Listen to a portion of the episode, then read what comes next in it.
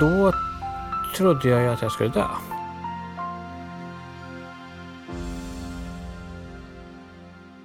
Den 22 juli 2011 så drabbades ju Norge av det största terrorattentatet i landets historia.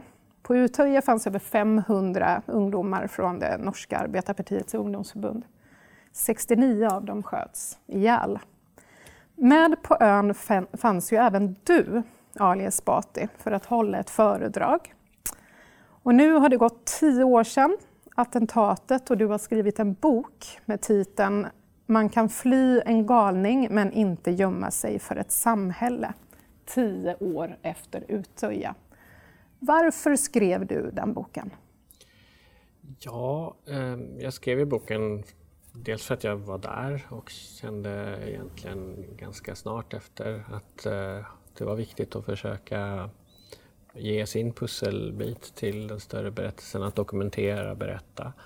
Um, och uh, samtidigt också sätta in det som hände i ett, um, i ett politiskt perspektiv. Därför att redan nästan omedelbart efter så, ehm, så var det tydligt att det skulle vara en, en slags dragkamp om, om verklighetsbeskrivningen egentligen. Uh, om man skulle se det här som ja, närmast en slags, eh, en slags olyckshändelse. Ehm, eller om eh, det var bättre eller rimligare att se det som vad det faktiskt var, nämligen ett, ett eh, politiskt terrordåd genomfört av en högerextremist utifrån högerextrema tankegångar som han ju naturligtvis inte alls var ensam om utan som, som en del av, av, en, av en bredare rörelse på det sättet. Tanken var ju att boken skulle komma ut från början eh, ganska kort efter eh, och nu blev det inte så. Så har det blivit en annan bok än vad det hade blivit förstås då om jag hade skrivit det, den precis eh, efteråt. Men, eh, men eh, nu känns det som att det kanske också var bättre att, eh, att det blev tio år senare. Nyligen så kom ju nyheten ut att eh, många av de överlevarna som efter Utöja bär på hälsoproblem eh, även idag. Hur har du påverkats och förändrats av eh, massakern på ön? Alltså det är ju någonting som jag har fått eh, liksom, tänka mycket på eh, under de här åren och inte minst i samband med, med eh, skrivandet av, eh, av boken. Eh, det har varit lite olika faser för, för min del. Alltså att jag um, omedelbart efter eh, var väldigt mån om att eh, få berätta så mycket som möjligt, göra så mycket som möjligt. Lite också av, utifrån en känsla av att det var så mycket annat som omgärdades av maktlöshet över det som hade hänt som inte gick att göra ogjort. Så att säga. Um, och, och sen efter det så kom det ju en period med att liksom kroppen kom i i kapp på ett sätt och att, att eh, jag var väldigt liksom, utsliten och, och, och, trött. Och sen har det gått de här åren där jag kände att jag liksom var lite grann färdig med själva bearbetningen av, av uh, det som hände och att det var, har ju varit andra saker som har präglat mitt liv, inte minst liksom riksdagsuppdrag och så. Ehm, men i samband med att jag liksom skrev boken så så har det varit en del liksom, saker som har överraskat mig också över hur eh, ja, men en hel del starka känslor som har kommit upp och känslor som jag från början kanske inte riktigt heller kunde sätta fingret på, alltså frustration och, ehm, och, och upprördhet eh, som jag tror mer och mer under själva skrivprocessen förstod att det också var mer handlade om liksom vad som egentligen kanske inte hände än vad som, vad som hände. Och jag, de här eh, ungdomarna som eh, Eh, som man har följt. Eh, där, där visar ju, eh, precis åren efter var det ju ännu högre andel som hade ganska stora hälsoproblem och problem med skolan och så vidare. Det, så där har det ju blivit bättre på ett sätt men det som är chockerande i samma eh, samma undersökning är att det är ungefär en tredjedel som har blivit utsatta för ganska grovt eh, hat och, eh, och direkta hot, ibland dödshot och så vidare. Eh, vilket ju är, är liksom en, en ganska bisarr grej men som visar ganska tydligt hur, hur mycket det här liksom inte alls går att, så att säga, reducera till en person som nu sitter i fängelse och är liksom borta från ekvationen utan det här är någonting som Eh, går, har rötter i, i, i samhället eh, som går mycket djupare och som, eh, där det finns saker som också kanske har blivit eh, värre under de här tio åren. Då. Ja, för om vi vidgar perspektivet då och kollar på samhället i stort. Hur skulle du säga att samhället har påverkats av Utöja? Ja, det går ju inte att säga helt entydigt. Det är väl lite grann det jag brottas med också i, i, i boken. Men, men eh, det är ju väldigt tydligt på, på det politiska planet att eh, eh, de, vad ska jag säga, de högerpopulistiska högerradikala krafter som, som har funnits i, i vår del av, av världen står ju i huvudsak starkare idag än för, för tio år sedan. Och, och, och, och den resan har ju varit väldigt mycket eh, liksom förstärkt av, eh, av eh, den typen av världsbild som, eh, som gärningsmannen också hade en, en, liksom sina, sina fötter i så att säga. Mm. och det är ju, en, det, det, är ju en, något som man kan konstatera att det har påverkat hela egentligen det politiska landskapet i, i både Sverige, Norge och många andra eh, Eh, länder. Sen är det ju inte entydigt så utan det finns ju också andra, eh, andra saker som har hänt. Jag, jag, liksom, tiden efter eh, eh det här terrordådet så var det nog fler som eh, insåg att eh, det här eh, fanns eh, i, i samhället, att det var viktigt att ta den striden. Och jag ser nu, tio år senare, så är det så är det väldigt tydligt att ehm, inte minst den, den, generationen som var på, på Utöja som då var väldigt unga, nu tio år senare, har, tar ett kliv framåt. Att det är mycket större tryck nu därifrån att man ska ehm, ja, ta tag i de, de, politiska, de politiska aspekterna av det här djupt politiska terrordådet. Mm. En snarlik fråga då. Eh, nu beskriver du hur samhället faktiskt har utvecklats eller påverkats. Hur skulle du ha velat att samhällsutvecklingen hade sett ut efter Utöja? Vad hade vi liksom kunnat ta lärdom av? Nej, men det, som, det som skedde satte ju en eh, eh, viss typ av världsbild i en blixtbelysning. Eh, det var ju också många, många fler som precis då skrev om exempelvis den eh, liksom organiserade islamofobiska miljön, vad det var för typ av allt från konspirationsteorier till, till så att säga, mildare kopplingar som man, som man gör i den, i den miljön mm. och som beskrev det. Så, jag hade ju förstås gärna sett att det var också någonting som gick in i, den, eh, i diskussionen om liksom den mainstream-politiska eh, processen därför att det är så väldigt tydligt att eh, de högerpopulistiska och högerradikala krafter som har funnits i, eh, i Norden och i Europa eh, för de har, har den här eh, islamofobiska världsbilden spelat en jättestor roll eh, som eh, ja, som katalysator för mycket av deras, eh, deras utveckling. Och, Eh, vi ser ju hur det, inte minst genom de partierna, har rört sig från eh, liksom mer perifera, radikala eller extrema miljöer mitt in till mitten av den politiska diskursen eller dagordningen som vi, som vi har runt om oss, oss varje dag. Och det är klart att det är ju Eh, en, eh, en väldigt betydelsefull och, och väldigt skrämmande utveckling. Eh, så jag, och, och, jag tror i grunden att det handlar om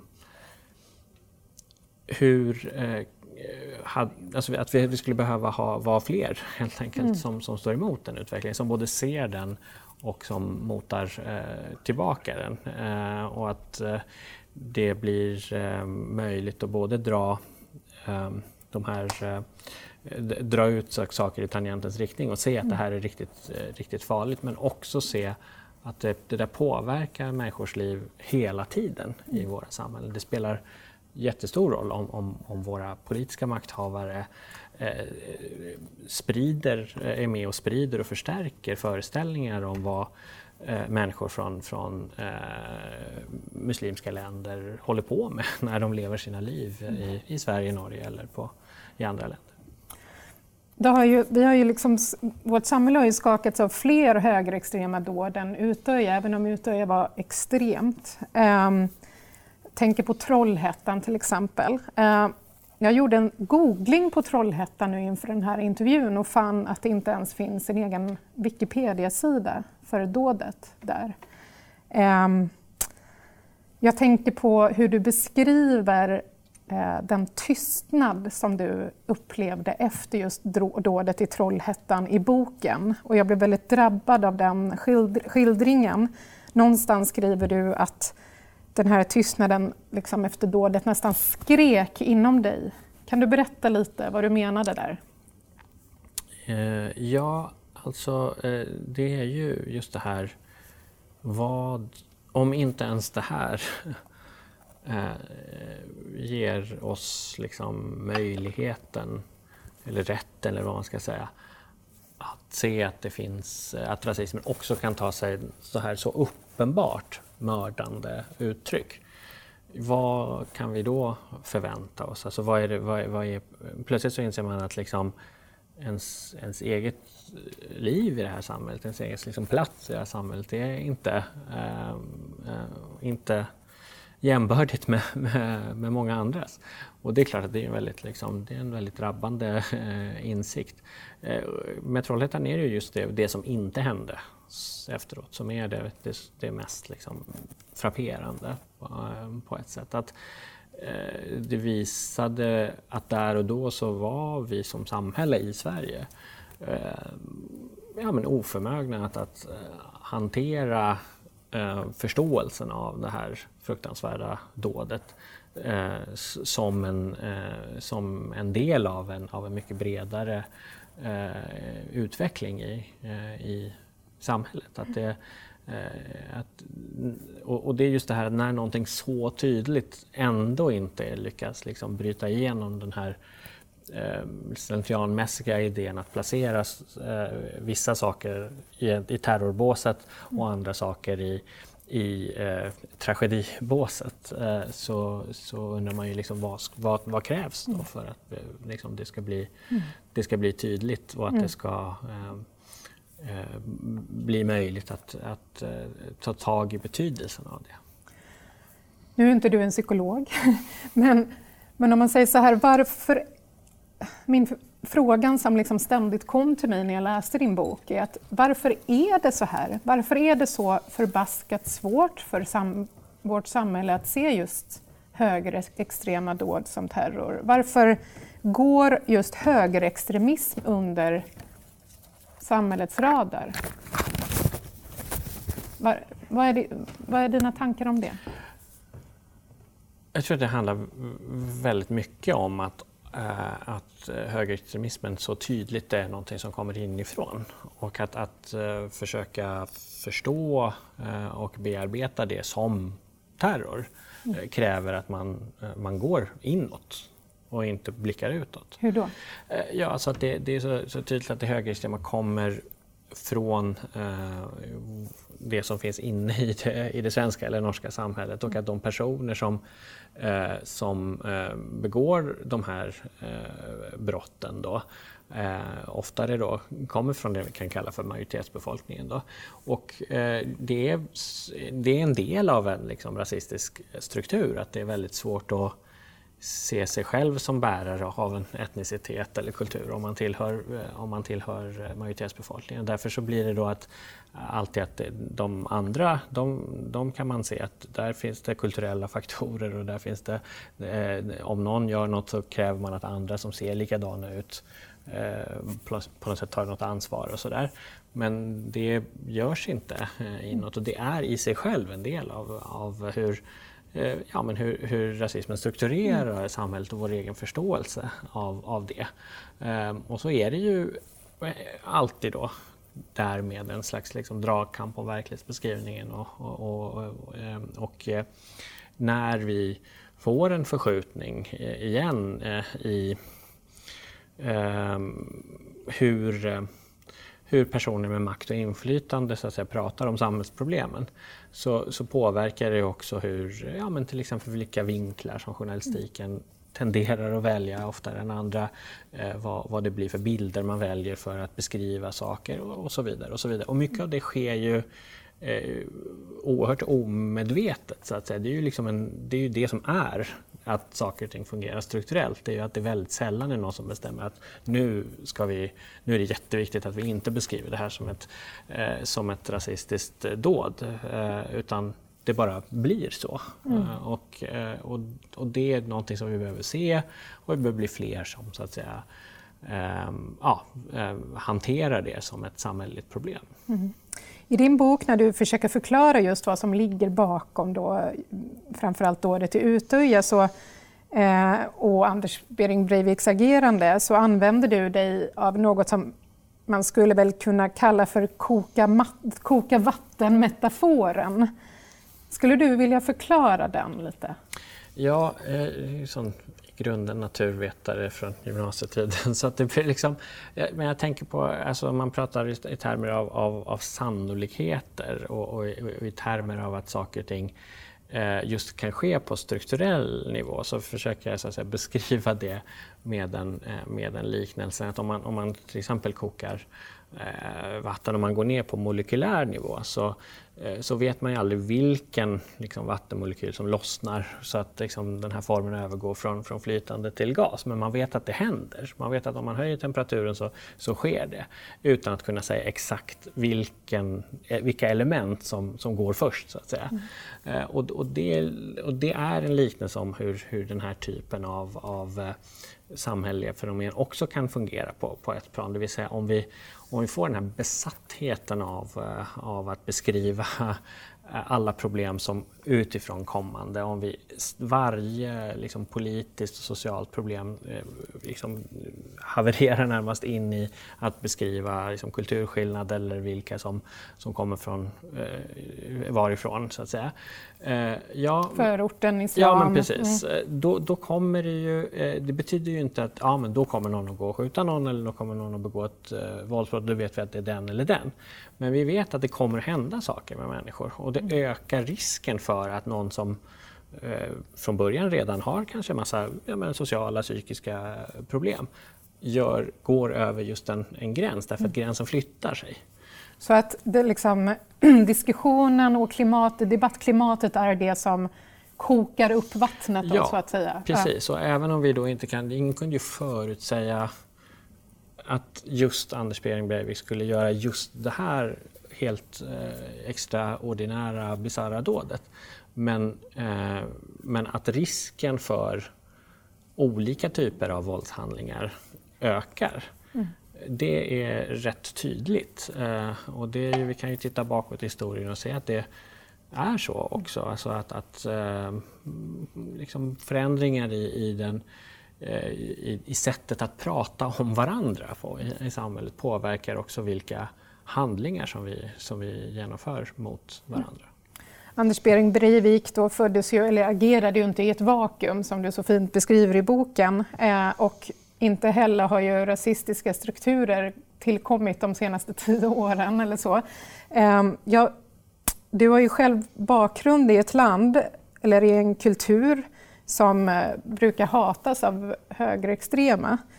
Eh, jag har ju bett dig att fundera ut ditt tidigaste minne då av att känna dig som den andra, den utpekade eller den icke-önskade. Skulle du kunna dela med dig av det? Mm. Jo, men jag har funderat på det och, jag, och det är ju lite, det är lite en del av, av eh, tror jag, hur, det, hur det brukar funka. Det finns, det finns inte ett tillfälle där liksom innan det var allting bra och sen så insåg man att allting inte är bra. Utan det har ju varit olika saker som har, har eh, lett till olika typer av funderingar. Jag, jag har ju med i boken också någon, eh, att jag ser i en gammal liksom, skol, eh, skoltext att, att jag eh, liksom ser att rasism finns. Men det som är liksom, och jag uttrycker det att liksom rasister liksom dödar folk eller angriper folk som är Eh, Eh, som kommer utifrån. Jag är väldigt liten då. Eh, och, och, och, det som var intressant när jag liksom tittade på det var ju, var ju ett minne av att när jag skrev det så var det så, så tydligt att jag placerade inte rasismen som någonting som liksom präglade då det svenska mm. samhället. Utan det var så tydligt att det fanns sådana och det var ett problem. Mm. det men, fanns rasister. Precis, men, mm. men att det fanns också eh, de som, alltså det, det, det svenska samhället där, liksom puttade ut dem. De mm. var inte en del av, av den, den liksom hela gemenskapen mm. på det sättet. Och när var detta? Hur gammal var du då? Och då var jag liksom tio. Då var du tio. Eh, mm. Det här är 80-talet. Eh, men men eh, det, där, det skedde ju saker gradvis som också påverkade den insikten. Inte minst så förändringen av flyktingpolitiken eh, Lucia-beslutet eh, var ju en, en, en sån liksom avgörande, ett sånt avgörande ögonblick därför att då blev det plötsligt så att det som sades eh, om att flyktingar var ett problem kom så mycket mer tydligt uppifrån. Att det var som en slags godkänd stämpel för, för de som då hade sagt samma saker fast på ett mer liksom våldsamt och, och, och sånt sätt. Men sen finns det ju många ställen som första gången man blev kallad för svartskalle på, på, eh, på skolgården. Då kändes det också helt självklart att det där hängde ihop med att samhällsklimatet mer brett hade ändrats med, med Ny Demokrati och Ian och Bert och sådär. mm. Ja, men det är klart en effekt kan vara att det sker eh, mer sådana saker. Då. Eh, men sen har det ju liksom varit ja, gradvis fler och fler eh, saker som har gjort att man får nya insikter. Ja, första gången man hör någon som berättar om hur man blir väldigt illa behandlad av polisen, där det är uppenbart att det finns liksom, eh, rasistiska element i det och så vidare. och så vidare. Men, men det är ju inte så att det heller har varit att jag liksom mer och mer sett att Sverige blir mer och mer rasistiskt. Så är det ju inte alls. Utan det här är en politisk eh, dragkamp och eh, för mig är det liksom ändå en, en slags liksom hoppgivande att tänka tillbaka på hur den här vågen av, av mer öppen främlingsfientlighet som, som kan kopplas till bland annat Ny Demokratis uppgång också avtog när Ny Demokrati upplöstes och, och försvann och det blev andra politiska frågor som blev de viktiga. Mm. Uh, och, så, så, det är ju också en, en sån insikt. Det är även en, en sån insikt att det finns saker som, uh, som ändras mer liksom långsiktigt i, i och med att när, när, när vi ändå får fler människor med, med utländsk bakgrund som, som blir en del av Sverige så kommer det vara fler som möter människor med utländsk bakgrund i sin vardag. Mm. Och i den mån man gör det så är det i sig, det ser vi också i många andra länder, någonting som förändrar sättet som man kan prata om folk med.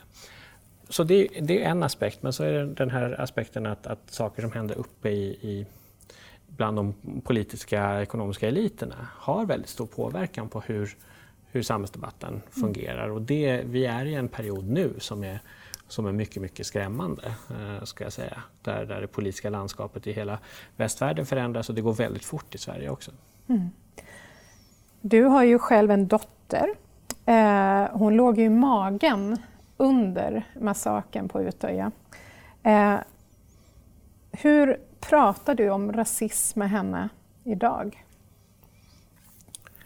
Um, det är någonting som jag har fått fundera mycket på mm. och som man vill ju förstås inte... Ingen lätt sak. Nej, man vill inte skrämma upp, man vill inte säga att så här är, kommer det att vara för dig. Ehm, ehm, men man vill heller inte liksom dölja, uh, dölja uh, hur, det, hur, världen, hur världen ser ut. Sen, en sak som komplicerar är att jag vet ju inte riktigt det heller eftersom hon, ja, liksom beroende på hur man ser ut, det påverkar ju liksom, eh, hur mörk man är. Och så det, det är en del av rasismens eh, liksom, väsen. Då. Men, eh, men det, jag upplevt att det har varit väldigt självklart att kunna prata om att det är eh, alltså att det finns de som, som inte eh, inte är med på eh, att alla människor är lika mycket värda eh, Eh, och ska behandlas lika. Mm. Uh, och det är någonting som, som uh, är, det blir en stor sak för, för en liten person. Men, uh, men som jag har liksom, jag tror vi som föräldrar har, har haft den ingången att man behöver, man behöver börja det samtalet någonstans. Och sen så blir det ju, tror jag, naturligt att när man till exempel skriver en sån bok så, så vet jag ju att jag skriver den för att eh, hon också ska kunna läsa den, kanske inte precis nu men om, om, mm. om några år. Och att det, det är en del av det jag vill berätta eh, rätt mycket för, mm. för henne också. Mm.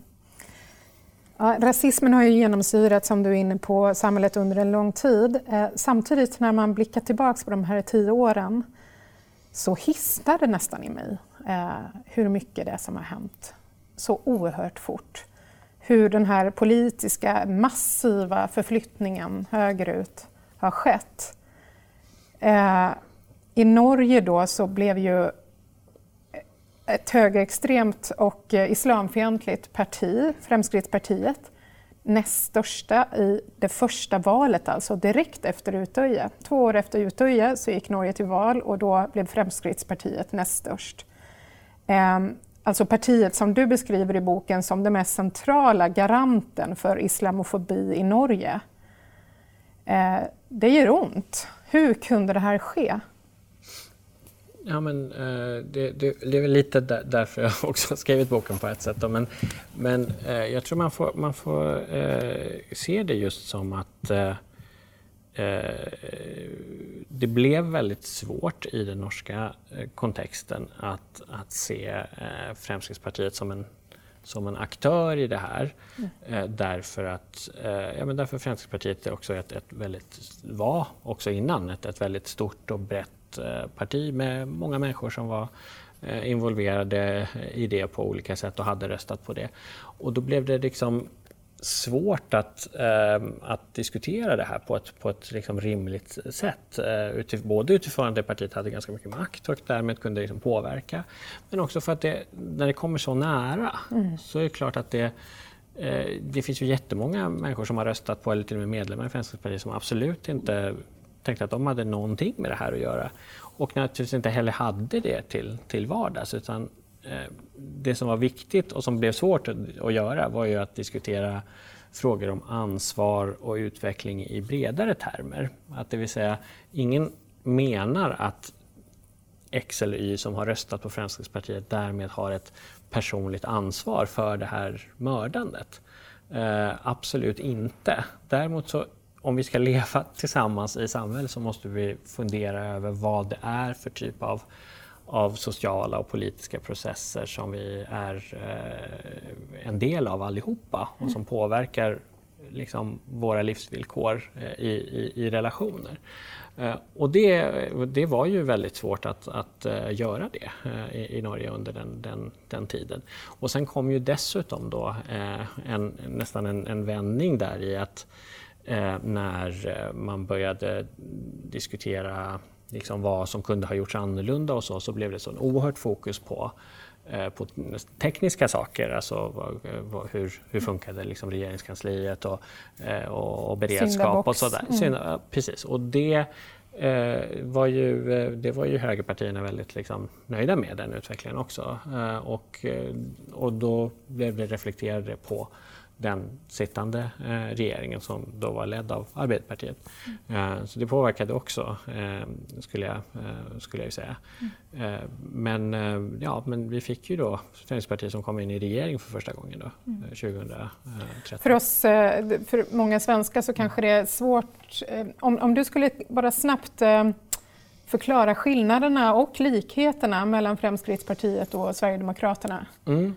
Det är ju intressant i sig därför att det finns ju jättestora skillnader förstås i hur, eh, hur de här partierna uppstod och utvecklades. Alltså medan Sverigedemokraterna ju tydligt har har sina rötter i en, i en nynazistisk eh, miljö så har ju inte Fremskrittspartiet det. Utan där, där är man mycket mer likt den Eh, Eh, det som var Ny Demokrati på 90-talet. Men här bildades man ju eh, långt innan och har ju funnits i norsk politik i, i, eh, i drygt 40 år. Eh, mer likt det som var danska Framstegspartiet då med Mogens Gilstrup och, och Eh, där man liksom inriktar sig mycket på att, att ja, men ogilla byråkrati, ogilla skatter. Alltid haft med ett element av, av, eh, av främlingsfientlighet i. Men, men inte alls som utspring ur, eh, ur så att säga, den typen av liksom skinnskalle eller liksom nynazistiska miljöer. Och det har ju naturligtvis påverkat möjligheterna att, att nå en bredare, bredare grupp människor under, under lång tid.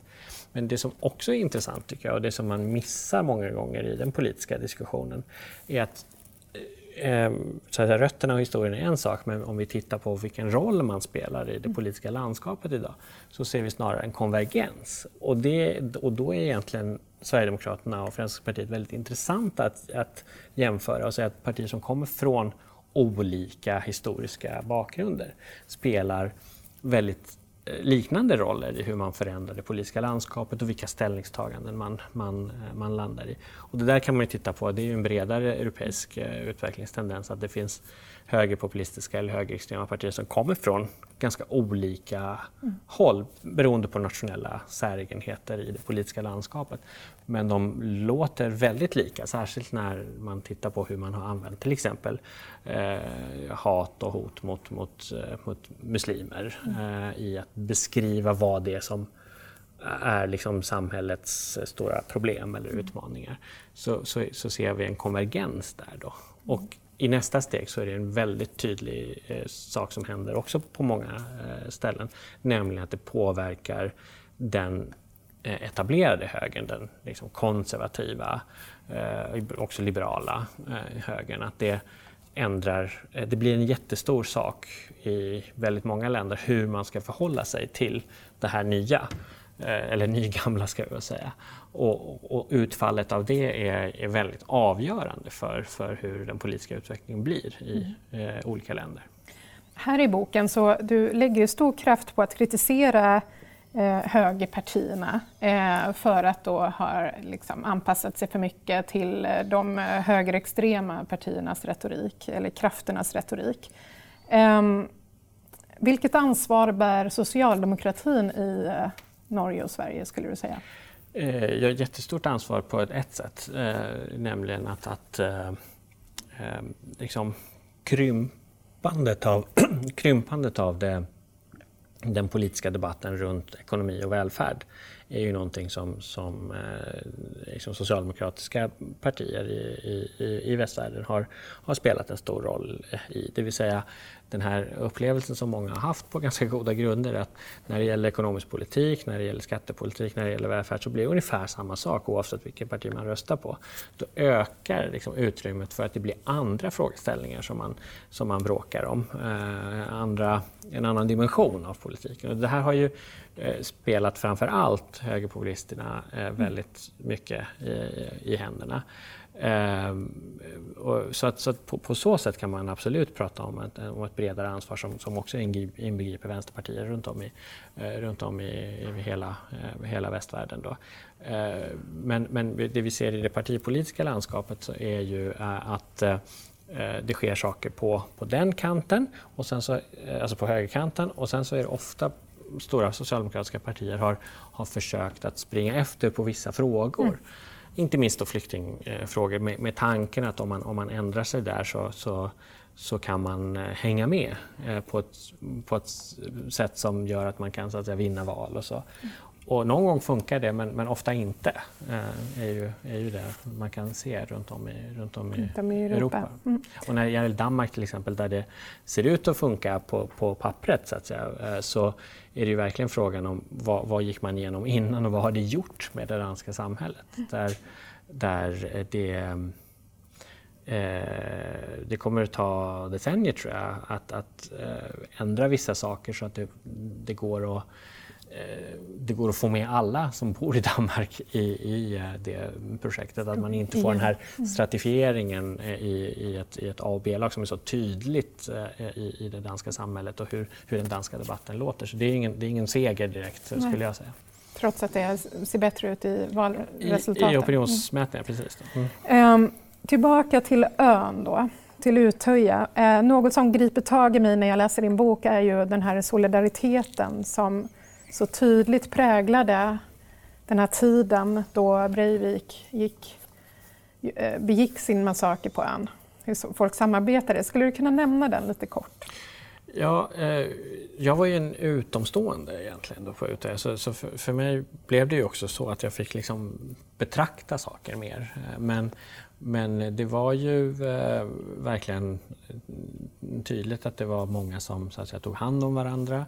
Eh, där de kunde och kom åt. Jag berättade ju om, om liksom, saker som jag var, var med om där, eh, där eh, folk liksom började använda sina eh, liksom kunskaper i första hjälpen och sådär för att liksom förbinda varandra eller eh, hjälpa varandra. Det finns många andra exempel också som inte jag nämner i boken men som finns i, i, i många, det finns ju väldigt många berättelser från eftersom det var så många som var där. Men folk som så att säga sporrade varandra att orka simma lite till, eh, folk som eh, mm. eh, såg till att, att gömma sig tillsammans och, och försöka försöka klara sig eh, tillsammans. Så det är någonting som ja, eh, det, det är något som liksom spelade livsavgörande roll för många förstås, mm. där och då, men som jag tror också är en del av att eh, liksom förstå vad det var för sammanhang som drabbades, men också vad det finns för styrka i,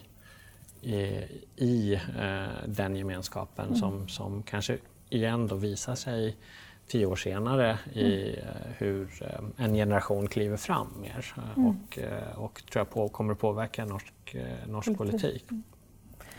Du klarar ju dig från massaken på ön med endast en liten skråma i mm. handen. Finns den kvar? Kan vi...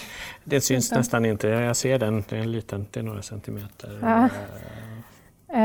Men under en kort stund så befann ju du dig med Breivik alldeles framför dig. Mm. Han stod med sitt gevär. Du skriver så här, nu citerar jag. Ansiktet uttrycker inga känslor. Möjligen är han svettig och lite trött. Men det finns ingen smärta, inget jubel, ingen rädsla, ingen komplexitet. Bara en man ute på jobb i skogen. Vad är det för problem med att porträttera Breivik som en ensam galning? Alltså, eh, jag tror att det var viktigt för mig att, att eh, inte ge Breivik mer utrymme än, än, det som var nödvändigt, men inte heller mindre. Alltså, eh, jag, jag, tycker och tyckte när jag började skriva boken att det var viktigt att uh, beskriva precis vad jag var med om. För, att, för dokumentationen också inte minst. Och för, för att andra ska kunna känna igen sig i det, både de som var där och de som inte var där, kunna fundera på vad, vad det har för allmänmänsklig liksom, betydelse. Eh, men, eh, och, så jag skrev ner i, i, det som du läste upp, är det ju det jag, det jag såg där och då. Mm. Eh, och, och då var det ju, eh, visste vi ju väldigt lite. Jag visste nästan ingenting. Jag hade ju inte sett honom under hela den, mm. eh, den väldigt långa eh, processen som var eh, på, på ön. Eh, utan jag hade fått, jag kunde ju lägga i, till lite pusselbitar, kunde jag lägga ihop att det var någonting som var alltså att det sköts och att det, folk, hade, folk hade eh, dödats. Eh, men inte hur många och inte på vilket sätt. Och det, jag återkommer till det många gånger i boken att det var liksom bristen på information var någonting mm. som var väldigt påtagligt. Att det var... Men om vi stannar upp där mm. i den här, den här sekvensen, mm. när du ser honom där mm. helt uttryckslös, en man som bara gör sitt jobb. Mm. Vad får igenom din kropp då? Ja, då trodde jag ju att jag skulle dö. Det var ju Eh, Eh, det var ju det som hände just då. Ehm, att det är väldigt snabbt omslag från att jag egentligen under eh, hela den här liksom, timmen eh, ändå tänkte att det skulle nog gå bra på ett lite konstigt sätt men jag, jag trodde att det skulle gå, gå, gå bra. Men där var det att nu, nu, nu kommer det inte att gå bra. var, var det som var liksom den plötsliga insikten. Och det är ju en, det är klart att det är en väldigt stark grej i sig som, som påverkar en lite eh, som, som människa, det gör det ju. Ehm, men, men jag har ju tänkt på det där ögonblicket mycket sen eh, och att eh, ju mer man liksom vet i efterhand desto mer kan man liksom förstå det ögonblicket på, på ett annat sätt. Bland annat att han, liksom, han ansåg ju att han var, var färdig. Han försökte ju, hade ju till och med försökt ringa och så att säga, överlämna sig. Mm. Eh, men det gick inte, det, det, funkade inte så då fortsatte han att döda fler. Så att mm. säga. Eh, men också just det här att han, han såg det som en, som en uppgift. Det var inte en, eh, ska vi säga, den, den slags liksom passionerat utbrott mot personer som har gjort honom illa eller så. Mm. Utan han eh, var fullt medveten om att de här personerna som fanns där eh, var eh, liksom ungdomar som inte hade gjort honom någonting men som han ansåg vara bärare av någonting som ansågs som då ett hot mot, eh, mot Norge och västvärlden så att säga. Och att det var, det var liksom kostnad man fick ta. Han återkom ju i rättegången också en del till att det var ganska jobbigt för honom liksom, personligen att göra det här. och sådär.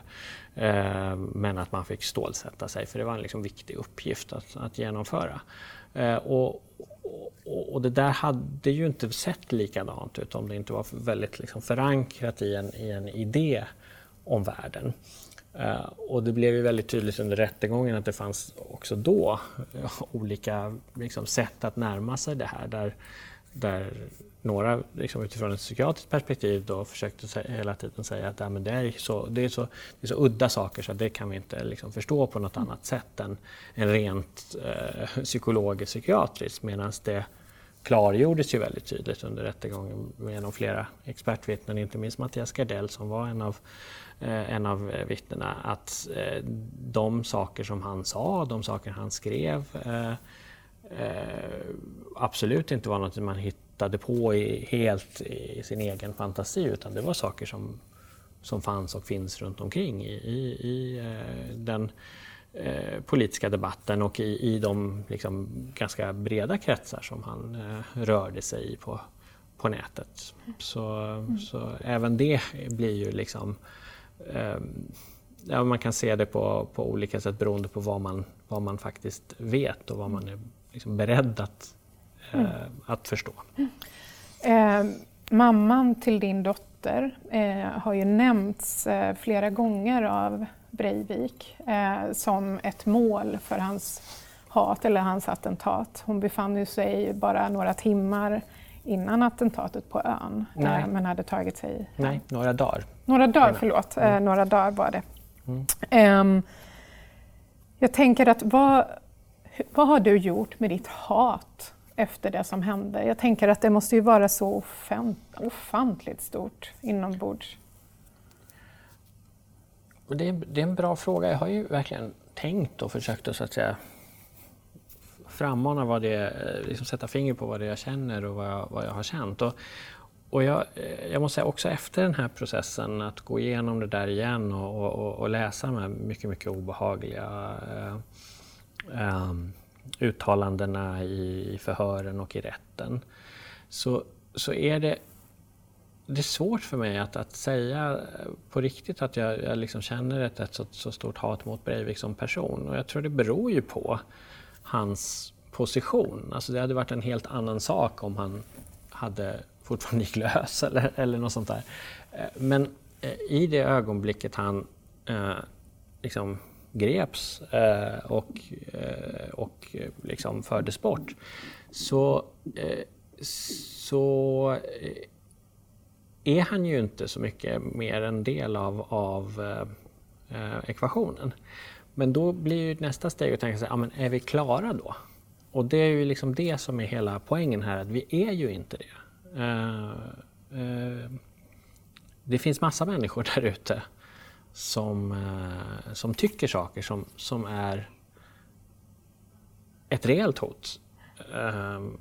nu och igår och imorgon är ett reellt hot mot, mot mig, mot, mot henne och mm. mot det samhälle som vi, som vi lever i. Och, och det, är, det är den frustrationen som också har känts eh, så eh, otroligt jobbig och som har kommit upp väldigt mycket till ytan för min personliga del också när jag har, när jag har skrivit att jag liksom hade svårt i början att förstå vad det var som gjorde att jag var så himla eh, ledsen och arg när jag, när jag skrev. Uh, jag tänkte det berodde på, bara på att jag var väldigt stressad och jag skulle göra färdigt boken på kort tid samtidigt som mycket annat.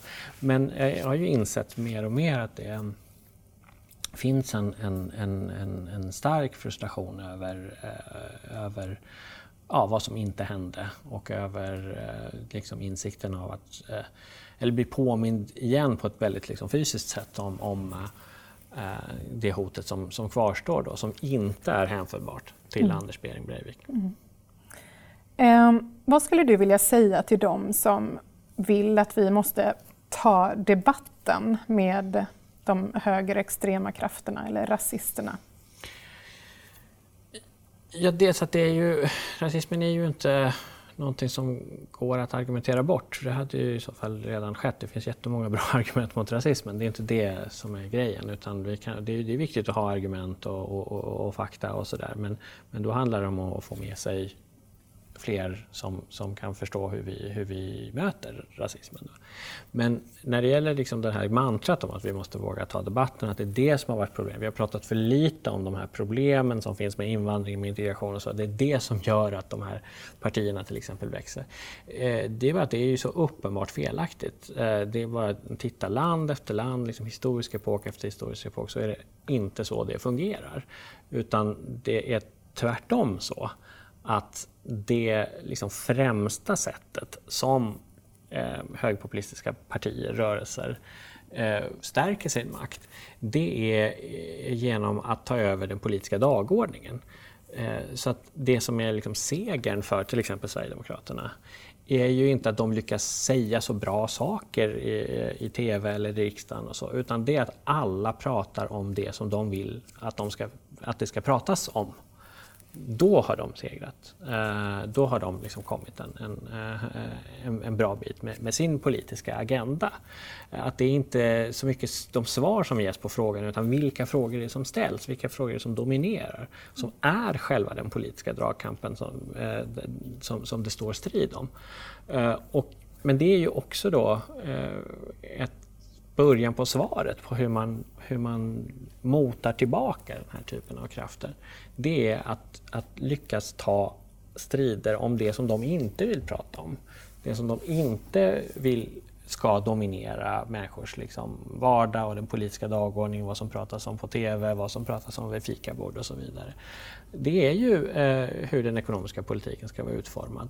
Det är eh, vem det är som, som eh, tjänar pengar på vad och, hur, och, och, ska det vara så eller inte. Det är hur resurserna fördelas, det är hur man har det på jobbet, hur, hur, eh, eh hur eh, eh, liksom arbetstagares rättigheter ser ut gentemot arbetsgivare och arbetsköpare. Den typen av frågeställningar ställer ju ofta de rörelserna på, i, i, marginalen och det vet de om. Det är därför de är så intresserade av att mm. göra varje politisk fråga till en fråga om, om kultur, om, mm. om eh, eh, liksom integration inom citattecken och så. Du skriver någonstans i boken att det är omöjligt att vinna en debatt med en islamofob till exempel, när debatten förs på islamofobens villkor. Eh, men hur i helskotta ska vi diskutera de här frågorna då? Hur ska vi göra det? Jag tror det är viktigt, att, att, eh, med, viktigt med kunskap. Islamofobi till exempel. Ja, vi måste kunna diskutera islamofobi. Ja men absolut, och det, det, det är viktigt med kunskap. Det är viktigt att blottlägga eh, ja, konspirationsteorier, hur, hur så, troper, idéer fungerar. Alltså, att om man, eh, man, hur ser vi på, på människor som kommer från, från eh, liksom, eh, muslimsk muslimska samhällen. Det behöver inte ens vara liksom, så att säga, troende överhuvudtaget. Eh, att liksom påpeka det, visa på det, jobba med det liksom i, inom akademin, inom journalistiken. Och så. Det är klart att det, det, är viktigt. Det som jag pratar om är just det här att, att om, om eh, varenda politisk fråga eh, ska reduceras till, till eh, just vem var det som vem har kommit utifrån eh, och vad, vilka problem har de fört med sig, så kommer det att vara svårt att, att vinna. Mm. Det, det, är det som är liksom kärnan. Det är liksom frågan om dagordningen mycket mer än, än de svar man ger på, på frågorna. Där måste man förstås liksom kunna ha debatter, kunna föra fram sina argument, kunna se igenom motståndares argument och så vidare. Mm. Men idén om att vi har pratat för lite om invandrade och eh, deras barn och de, de, problem som man kan förknippa med just deras liksom, eh, existens och, och etnicitet. Eh, den är mycket märklig. Eh, för det finns ju många inom, i liberala kretsar, inom vänstern och så vidare som, som säger de här sakerna och har gjort det under ett antal eh, år. Och det blir mer och mer absurt när vi ser hur, hur samhällsutvecklingen är och hur, hur den politiska dagordningen har, har förskjutits. Mm. Vad är det bästa botemedlet mot rasism och främlingsfientlighet enligt dig?